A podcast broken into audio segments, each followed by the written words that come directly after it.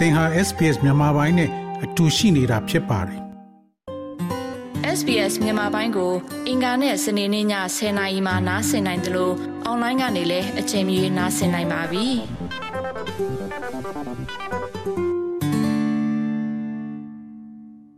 မြမဒလိထုံနှန်းတွေကြားမိဖို့ကြောင့်နေမှာသာဘဝနှိမြုပ်ခဲ့ရတဲ့အမျိုးသမီးတွေဟာပြီးခဲ့တဲ့ဆယ်စုနှစ်အတွင်းဥဆောင်သူများစွာအဖြစ်ထွက်ပေါ်လာခဲ့ပါတယ်။ဒါပြည်သူရဲ့ညီရလားဟဲ့ညီရဟဲ့ညီရဟဲ့ဒါမျိုးသမီးတွေညီရလားဟဲ့ညီရဟဲ့ညီရဟဲ့ညီရထွက်ခဲ့လမ်းပေါ်လမ်းပေါ်ညီရထွက်ခဲ့ နိုင်ငံရဲ့တမိုင်းမှာ ဖြစ်ရအဆိုးဆုံးလို့ ခေါ်ဝေါ်ကြတဲ့ လက်ရှိ စစ်အာဏာသိမ်းကာလအတွင်းမှာလည်း ဒီလို အမျိုးသမီးတို့ရဲ့ ဟစ်အော်တန်ဟာ အကြိမ်ကြိမ် ပဲ့တင်ထက်ခဲ့ပါပြီ။လမ်းပေါ်ဆန္ဒပြပွဲတွေကအစားလက်နက်ကင်ကြော်လန့်ရေးလမ်းစဉ်အထိ စစ်အာဏာရှင်စန့်ကျင်ရေး လှုပ်ရှားမှုတိုင်းမှာ အမျိုးသမီးတွေကဥဆောင်သူတွေအဖြစ် ပါဝင်ခဲ့ကြပါတယ်။ ရှင်သွေးငယ်တစ်ဖက်နဲ့နိုင်ရတာဝန်ထမ်းခဲ့ကြသလိုမိသားစုကိုစွန့်ခွာပြီး နိုင်ငံချစ်စိတ်ကိုဦးစားပေးခဲ့ကြသူတွေလည်းမရေတွက်နိုင်ခဲ့ပါဘူး။ကလေးနှစ်ယောက်မိခင်အသက်39နှစ်အရွယ်အင်ဂျလာကတော့လက်ရှိတော်လှန်ရေးမှာပြည်သူ့ကာကွယ်ရေးတပ်ဖွဲ့ဒုတာဝန်ခံအဖြစ်တာဝန်ထမ်းဆောင်နေပါပြီ။စကိုင်းကြိုင်အတွင်းကကြိုက်ပွဲပေါင်း30မှာလည်းနောက်မဆုတ်တမ်းပါဝင်ခဲ့သူပါ။ပထမဦးဆုံးရှေ့တန်းလိုက်တုန်းကဆိုလို့ရှိရင်ရှေ့တန်းကို ခေါင်းဆောင်ကအစားမလိုက်စေချင်ဘူး။တော့နင်းဒီမှာအနောက်မှာပဲတောင်းယူပြီးလှုပ်ဆောင်ပြီးမဟုတ်ဘူးဒီကလူကလည်းဒီရန်သူနဲ့အနီးဆုံးနေရာပေါ့နော်။နေရာယူမဲ့နေရာမျိုးအတင်းလိုက်တာ။ထူးဆန်းတာတခုကကိုယ်စိတ်ထဲမှာကြောက်မနေဘူးအဲပြစ်ဆွဲချိန်မှာလည်းရဲရဲဝံ့ဝံ့ပြစ်ခဲ့တယ်ဆုပ်ဆွဲချိန်မှာလည်း တော်တော်လေးလက်ဆုပ်နိုင်ရတယ်ပေါ့နော်အဲဒီချိန်မှာခေါင်းဆောင်ကလည်းအရင်နိုတွေမလိုက်နဲ့တွေဘာတွေမပြောတော့ဘူးသူ့စိတ်ထဲမှာဘာတွေပြောင်းလဲသွားလဲဆိုတော့အဲတချို့တော့ရဲဘော်တွေမရဲမဝင့်ဖြစ်နေတောင်မှအမျိုးသမီးကိုယ်တိုင်ကအမျိုးသမီးတယောက်ဖြစ်ပါလေရဲ့ကနေတိုက်ပွဲကိုဝင်နေဆိုတဲ့ဟာမျိုးတွေအဲသူတို့စိတ်ထဲမှာခွန်အားတွေပူကပ်သွားပါစေပေါ့နော်သူ့မှာအဲ့ရွယ်ချက်တွေဖြစ်သွားတယ်ဒီလိုစိတ်သက်ပြင်းထန်ခဲ့တဲ့အမျိုးသမီးတွေရဲ့ပါဝင်မှုဟာလက်ရှိຫນွေဦးတော်လိုင်းကာလမှာများစွာအရာချင်းခဲ့ပါတယ်။ စစ်ကောင်စီဟာလည်းဒီလိုလှုပ်ဆောင်တဲ့အမျိုးသမီးတွေအပေါ်အကြမ်းဖက်မှုမျိုးစုံနဲ့ဖိနှိပ်ခဲ့ပါတယ်။နိုင်ငံရေးအကျဉ်းသားများကူညီဆောင်ရှားရေးအသင်း AAPP စီးရင်တွေအရစုစုပေါင်း16000ကျော်အဖမ်းခံထားရတဲ့ထဲမှာအမျိုးသမီး4000ကျော်ပါဝင်နေပါတယ်။စစ်ကောင်စီရဲ့ပုံမှန်ချက်အကြမ်းဖက်ဖမ်းဆီးခံရပြီးတည်တံ့ချမှတ်ခံထားရသူတွေထဲမှာလည်းအမျိုးသမီး၁၁ဦးပါဝင်နေပါတယ်။ ဒီလိုအကြမ်းဖက်မှုတွေကြုံတွေ့နေကြရပေမဲ့အမျိုးသမီးအများစုဟာနိုင်ငံရေးအကျွဲရရကြောင်းဝင်ထမ်းခဲ့ကြပါတယ်။နှွေဦးကျော်လိုင်းရေးအတွက်ကြက်ကြက်ခံနိုင်အောင်ပတ်ပိုးခဲ့ကြတဲ့ထောက်ပို့ကဏ္ဍမှာလည်းအမျိုးသမီးအများဆုံးပါဝင်နေကြတာပါအထင်သေးမှုတွေဖိနှိပ်မှုတွေခွဲခြားဆက်ဆံခံရမှုတွေကြားမှာပဲကြက်ကြက်ခိုင်ဖြတ်တန်းနေရတယ်လို့ထောက်ဖို့ရဲဘော်တူအဖြစ်ဆောင်ရွက်နေတဲ့ချက်ချဲကပြောပါတယ် စပန်းတစ်ခုလုံးဒီအပေါ်ယောက်ျားလေးတွေပဲအမတယောက်လည်းမိန်းကလေးအမနေခဲ့ရပါဘူးအခုအမတို့လက်ရှိလှုပ်ပေးနေတယ်ပေါ့နော်ထောက်ဖို့ထောက်ဖို့ပိုင်းဆိုလို့ရှိရင်လည်းမိန်းကလေးတော်တော်များများဟိုလှုပ်ပေးနိုင်တယ်ဘာလို့အနောက်မှာလှုပ်လှုပ်တယ်လေအနောက်ကနေပြီးတော့ဒီဟိုဟာရဲဘော်တွေရဲ့စာဝတ်နေနေအတွက် ဟိုသူတို့တိုက်ပွဲမှာလိုအပ်တဲ့ကြီးချမ်းလက်ရှိချမ်းအတွက်ကိုအဲငွေကြေးဖန်ပေါ့နော်ထောက်ခွင့်မှုအပိုင်းကိုမိကလေးတွေနဲ့ပါဝင်ပြီးတော့လုပ်လို့ရတယ်ပေါ့နော်အမတို့အများကြီးလုပ်တယ်လုပ်နိုင်စားတွေအမအများကြီးထုတ်တယ်အသက်နဲ့ရင်းရောအတိုက်ပွဲတွေကြားမှာလုပ်တယ်အဲရေးတွေတက်လို့ရှိရင်အမတို့လောကအိမ်မဆင်းရဲခံပြီးအမတောက်ဆောင်မှလုပ်တယ်ပေါ့နော်အမတို့ကတော့ကိုကိုကိုပကဒနာအိမ်ရင်းရဆိုင်လို့ရှင်တာတော့မဟုတ်ဘူးပေါ့နော်ဒါပေမဲ့အမတို့ရဲ့ဒီလုပ်နိုင်စားလေးကိုပေါ့နော်အတိမတ်ပြတာလေးကိုအမတို့ခံချင်တာပေါ့နော်ဒါပေမဲ့ဟိုကွာလူငယ်မိုးလို့ပြီးမိန်းကလေးငယ်ငယ်လေးမိုးလို့ ဆိုတဲ့ဟာမျိုးနဲ့အမတို့ respect ထားမခံခဲ့ရတဲ့အနေအထားလေးတွေတော့ကြုံခဲ့ရတာတော့ရှိတယ်။အဲဒီအဲဒီတော်လိုင်းရေးထဲမှာလည်းအဲ့လိုမျိုးခွဲခြားဆက်ဆံမှုတစ်ခုတော့ရှိတယ်။အဲဒီလက်နဲ့ကင်တဲ့သူနဲ့ဟိုတက်ပြက်တဲ့သူနဲ့ထောက်ပိုးနေပေါ့နော်။ထောက်ပိုးဆိုရင်လူတွေရဲ့စစ်ထဲမှာဘယ်လိုထင်လဲဆိုပတ်စံကင်ထားတဲ့လူဆိုတော့သူတို့ကဒါဒီပြည်သူပတ်စံထောက်ပိုးဆိုတာအနေခံအစားတော့အရင်စစ်ပြရတယ်လို့ရှိမှာဘာလို့လဲဆိုတော့အမတို့အမြင်နဲ့အပြောမလို့ဘူးလေ မြန်မာနိုင်ငံရဲ့ တော်လှန်ရေးတပ်ဖွဲ့ဝင်တွေထဲမှာ အမျိုးသမီးတွေရဲ့ ပါဝင်မှုကို မြင့်တင်ပေးဖို့ လိုတယ်လို့လည်း အမေရိကန်အစိုးရရဲ့ ငြိမ်းချမ်းရေး Institute USIP ရဲ့ အစီရင်ခံစာမှာ ဖော်ပြထားပါတယ်။တိုင်းရင်းသား လက်နက်ကိုင်အဖွဲ့တွေမှာရှိတဲ့ အမျိုးသမီးပါဝင်မှုဟာလည်း15ရာခိုင်နှုန်းလောက်သာ ရှိနေပြီး ခေါင်းဆောင်မှုအပိုင်းတွေမှာ အမျိုးသမီးတွေရဲ့ ပါဝင်မှုက အားနည်းနေသေးတယ်လို့လည်း ဖော်ပြထားပါတယ်။ ရှာရှာပပအဖြစ်မြောင်မြို့နယ်ကမြောင်အမျိုးသမီးစစ်တီတော်တရင်ကိုတော့အမျိုးသမီးတီးသက်အင်အား200ကျော်နဲ့ဖွဲ့စည်းထားတာပါတော်လှန်ရေးကာလအတွင်းအမျိုးသမီးတွေရဲ့ပါဝင်မှုကိုတန်ဖိုးမထားရင်မြန်မာနိုင်ငံဟာတချမ်းပဲ့လူအဖွဲ့အစည်းဖြစ်လာမယ်လို့မုံရွာလူထုတပိတ်တိုက်ပွဲကော်မတီဦးဆောင်သူကိုခန့်ဝေဖြိုးကမှတ်ချက်ပြုပါတယ်။ကြားမဖြစ်ပြီးပုံပေါ်မှာ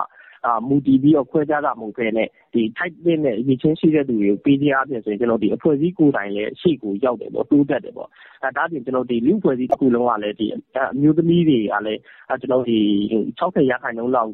ပါရှိထားတဲ့လူ့အဖွဲ့အစည်းဖြစ်တဲ့အတွက်သူတို့ရဲ့အခန်းကဏ္ဍကိုသေသေချာချာအသိအမှတ်ပြုပြီးတော့ပါဝင် ပါဝင်မှုရှိအောင်လုပ်ဆောင်ပေးမှပဲကျနော်တို့နိုင်ငံကတိုးတက်မှာပေါ့ဗျာ။အဲလိုမဟုတ်ဘဲနဲ့သူတို့ရဲ့အခန်းကဏ္ဍကိုပစ်ပယ်ထားမယ်ဆိုရင်တော့ကျနော်တို့ကဘယ်တော့မှပြည့်စုံမှုမရှိတဲ့တချမ်းပဲ့လူ့အဖွဲ့အစည်းပုံစံဖြစ်သွားမှာပေါ့။အဲဒီအတွက်ကတော့ကျနော်တို့ကတော့အဖွဲ့အစည်းတွေအားလုံးကိုတော့အမျိုးသမီးအခန်းကဏ္ဍကိုသေသေချာချာအသိအမှတ်ပြုပြီးတော့သူတို့ဦးဆောင်မှုအခန်းကဏ္ဍတွေမှာပါဝင်နိုင်ဖို့အတွက်အားပေးတဲ့မူဝါဒတွေပေါ့နော်ဒါမျိုးတွေချမှတ်တာကိုတော့ကျနော်ကတော့တိုက်တွန်းပါတယ်ဗျ။ အာဏာသိမ်းကာလအတွင်း စစ်တပ်ကို ရရာနည်းလမ်းနဲ့ တော်လှန်ခဲ့ကြတဲ့ထဲမှာ အမျိုးသမီး400ဝန်းကျင်ဟာ အသက်ပေးခဲ့ရပါတယ်။အဲ့ဒီထဲမှာ အသက်2နှစ်အရွယ် မိန်းကလေးငယ်ကစားလို့80ကျော်တက်ကြီးရွယ်အိုတွေအထိ ပါဝင်ခဲ့တာပါ။လက်နက်ကြီး လက်နက်ငယ် ပစ်ခတ်မှုတွေ လေကြောင်းထိုးစစ်တွေနဲ့ အကြမ်းဖက် ဖမ်းဆီးမှုတွေကြားမှာ အမျိုးသမီးများစွာဟာလည်း နေအိမ်စွန့်ခွာခဲ့ကြရပါပြီ။ အလောက်ကိုင်းခွင်လန်းများစွာ ဆုံရှုံခဲ့ရသလို2021ဖေဖော်ဝါရီလကစလို့တစ်ဖက်နိုင်ငံကို ထွက်ပြေးတိမ်းရှောင်ရသူပေါင်း2,230,000ဦးထိ ရှိတယ်လို့ ကုလသမဂ္ဂက ထုတ်ပြန်ထားပါတယ်။ဒီလို အခက်အခဲတွေ ကြုံတွေ့နေရတဲ့ အမျိုးသမီးတွေရဲ့စမ်းဆောင်ရည်ကိုပုံမမြင့်တင်ဖို့ လိုအပ်တယ်လို့ ပြောလာသူကတော့ မြန်မာနိုင်ငံ အထွေထွေအလုပ်သမားသမဂ္ဂများအဖွဲ့ချုပ် ဗဟိုအလုပ်မှုဆောင်အဖွဲ့ဝင်မက်ခင်တန်နာမိုးပါ ကျမတို့နိုင်ငံကအမျိုးသမီးတွေအရေးကနိုင်ငံရေးပဲပေါ့နော်ကျမတို့အလုပ်သမားအမျိုးသမီးတို့ရဲ့အတန်းတွေဒီတဖြည်းဖြည်းနဲ့မြုပ်ရင်းမြုပ်ရင်းနဲ့ပျောက်ကွယ်သွားတော့မယ့်အနေအထားမှာရှိတဲ့အတွက်ပေါ့နော်ဒီအမျိုးသမီးကော်မတီဆိုတာကိုဖွဲ့တယ်လူမျိုးကြီးဝါဒဆိုတာဘယ်သူက တက်ဆင်းပြီးတော့ထွက်လာတဲ့စကားကြားပဓာနာအခြေပြုထားတယ်ဆိုတာလဲဘာကြောင့်ဆိုတာတွေကိုပေါ့နော်ကျမတို့ကပညာပေးမယ်ပညာပေးနေကျမတို့အလုပ်သမားအမျိုးသမီးဒုတွေဒီအခြေခံအနိုင်ဆုံးလူဒန်းစားမဟုတ်ဘူးအခြားခေါင်းဆောင်အမျိုးသမီးတွေနဲ့လည်းပဲပြောနိုင်တယ်ဆိုနိုင်တယ်အသိပညာတွေရှိတယ်ဆိုတာတွေကိုလည်းကျမတို့ပြင့်တင်ခြင်းတယ်ပေါ့နော်ဒါကြောင့်မလို့ကိုကိုကိုကိုတိုင်းလည်းကျမစ조사နေပါတယ်လေ့လာနေပါတယ်ကိုယ့်ရဲ့အောက်ခြေကကိုယ့်ရဲ့ အဖိနှိပ်ခံနေရတဲ့အမျက်ထုတ်ခံနေရတဲ့လူမျိုးနောက်ခံအသီးသီးကအမျိုးသမီးတွေရောတရားမျှတမှုတွေကိုလက်ကင်ထားပြီးမတရားမှုတွေကိုတိုက်ဖြတ်ရင်းနဲ့ဒီဒီအာဏာရှင်ကိုဒီຫນွေဥတော်လှန်ရေးနဲ့လုပ်ငန်းရှင်ရဲ့ဖိနှိပ်မှုတွေခုတ်သွေးစုပ်မှုတွေကိုအမြင့်ပြတ်တော်လှန်တိုက်ထုတ်ဖို့ပေါ့နော်ကျွန်မရည်ရွယ်ပါတယ်လို့ပဋိပက္ခတွေအတွင်မှာအမျိုးသမီးတွေကိုစစ်ဗျူဟာအရာပြစ်မှတ်တပွဲသဘောထားကြသလိုလိမ်မိုင်းဆိုင်ရာအမျက်ထုတ်ခြင်းတွေလည်းခံနေရတယ်လို့အမျိုးသမီးရေးလှုပ်ဆောင်သူတွေကဆိုကြပါတယ်။ လက်ရှိတော်လှန်ရေးကာလအတွင်းမှာအာဏာသိမ်းစစ်တပ်ကဖြစ်စီဒေသခံကာကွယ်ရေးတပ်ကဖြစ်စီအမျိုးသမီးတွေပေါ်လိမ်မိုင်းဆိုင်ရာကျူးလွန်မှုတွေရှိခဲ့တဲ့ဆိုတဲ့သတင်းတွေလည်းထွက်ပေါ်ခဲ့ပါတယ်။တိုက်ပွဲတွေပြင်းထန်နေတဲ့စကိုင်းတိုင်းမကွေးတိုင်းတွေမှာစစ်တပ်ကအမျိုးသမီးတွေကိုဖမ်းဆီးမရင်းကျစ်တပ်ဖြတ်တာတွေကိုကျူးလွန်ခဲ့တယ်လို့လည်းစစ်တမ်းတွေမှာဖော်ပြထားပါတယ်။ ဒီအခြေအနေကြားမှာပဲအမျိုးသမီးတွေဟာဥဆောင်သူအဖြစ်ရောပံ့ပိုးသူအဖြစ်ပါပါဝင်လှုပ်ဆောင်နေကြတာပါနှစ်90ကျော်ကြာအမျိုးသားတွေသာဥဆောင်ခဲ့တဲ့တော်လန်ရေးကြီးမအောင်မြင်တာကိုသင်ခန်းစာယူပြီးအမျိုးသမီးတွေကိုဥဆောင်သူအဖြစ်မြင်လာပေးဖို့လိုအပ်နေတယ်လို့မြန်မာနိုင်ငံအမျိုးသမီးများအဖွဲ့ချုပ်ရဲ့အတွင်ရေးမှူးလွေပိုးငယ်ကဆိုပါတယ်အမျိုးသမီးတွေရဲ့ပါဝင်မှုကိုလိလူရှုလို့မရတော့ ဘယ်နေရာမှာပဲဖြစ်ဖြစ်စစ်တမ်းလျားမှာပဲဖြစ်ဖြစ်လူမှုအတိုင်းဝိုင်းမှာပဲဖြစ်ဖြစ်အမျိုးသမီးတွေကိုလစ်လျူရှုလို့မရတာဆိုတာကအားလုံးပြုပြင်ပြောင်းလဲနားလည်သင့်ပြီလို့ကျမကတော့ပြောချင်တယ်။ကျမတို့နိုင်ငံမှာကအမျိုးသားတွေပဲတစ်လျှောက်လုံးနှစ်ပေါင်း70ကျော်ဦးဆောင်မှုအခန်းကဏ္ဍကိုယူလာတာဖြစ်တယ်။သို့ပေမဲ့လို့ကျမတို့နိုင်ငံရဲ့ပြည်တွင်းပဋိပက္ခကိုမဖြေရှင်းနိုင်ဘူး။ဒါကြောင့်မို့လို့အမျိုးသမီးတွေပါဝင်လိုက်မယ်ဆိုလို့ရှိရင်အမျိုးသမီးတွေကသူတို့ရဲ့အတွေးခေါ်သူတို့ရဲ့ပါဝင်မှုသူတို့ရဲ့ စဉ်းစားမှုကပိုပြီးတော့မှအသေးစိတ်ဆန်သလိုအနာဂတ်ကိုပိုပြီးတော့မှတွေးမျှော်ပြီးတော့မှလုပ်ဆောင်တာဖြစ်တဲ့အတွက်ကြောင့်မို့အမျိုးသမီးတွေခေါင်းဆောင်ဖြစ်ခြင်းအဖြစ်အမျိုးသမီးတွေဥဆောင်မှုခန်းကဏ္ဍမှာပါဝင်ခြင်းအဖြစ်နိုင်ငံအတွက်နစ်နာမှုတစ်ခုမှရှိမှာမဟုတ်ဘူးကျမအဲ့ဒါကိုတော့ယုံကြည်တယ်ဒါကြောင့်မို့လို့ဒီမြန်မာနိုင်ငံရဲ့ပြည်တွင်းပြဿနာဖြစ်တဲ့ဒီစစ်အာဏာရှင်စနစ်နဲ့ဒန်းတူမှုမရှိတဲ့လူမှုအတိုင်းဝိုင်းကိုဖယ်ရှားခြင်းလေဆိုလို့ရှိရင်တော့အမျိုးသမီးတွေရဲ့ ဦးဆောင်မှုကိုလက်ခံမှာဖြစ်ပါတယ်။တိုင်းရင်းသားတန်းတူရေးကိုလိုလားတယ်ဆိုလို့ရှိရင်ကျားမတန်းတူရေးကိုလည်းလက်လက်ခံနိုင်ရမယ်ဆိုတာကိုကျမတို့ကအများရန်ပြောနေတာဖြစ်တယ်ပေါ့နော်နှွေဦးကျော်လိုက်ရဲ့ခီးကျန်းအစာမှာပဲအသက်20မပြည့်သေးတဲ့အမျိုးသမီးငယ်ဟာစစ်ကောင်စီရဲ့အကြမ်းဖက်မှုမှာပထမဆုံးကျွေလွင်ခဲ့ရပါတယ်။စက်တိုက်ဆိုသလိုအကြမ်းဖက်ခံခဲ့ရတဲ့ဖြစ်စဉ်တွေကြားမှာပဲအသက်အရွယ်မီအမျိုးသမီးတွေဟာအာဏာရှင်စနစ်ကိုပါဝင်တွန်းလှန်ခဲ့ကြတာပါ။ ဒီမိုကရေစီစနစ်ထူထောင်ရေးလက်တံထဲမှာတော့ပကတ်လွဲလက်တစ်ဖြစ်လေနူးညံ့တဲ့လက်ချောင်းပိုင်ရှင်အမျိုးသမီးတွေဟာခိုင်မာတဲ့စိတ်ဓာတ်တွေနဲ့ကြိုက်ပွဲဝင်နေကြစေပါ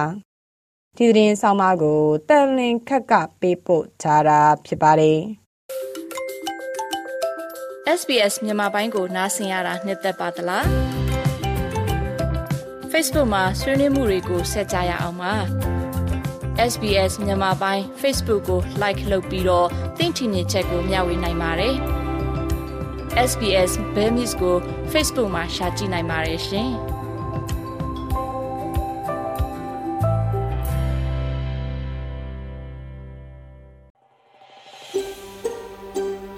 ဒါမျိုးသတင်းဆောင်မတွေကိုပိုနားဆင်လိုပါလား Apple Podcast Google Podcast Spotify တို့မှာသင်ပင်ရာဖြစ်ဖြစ်ရယူတဲ့ podcast ကနေပါ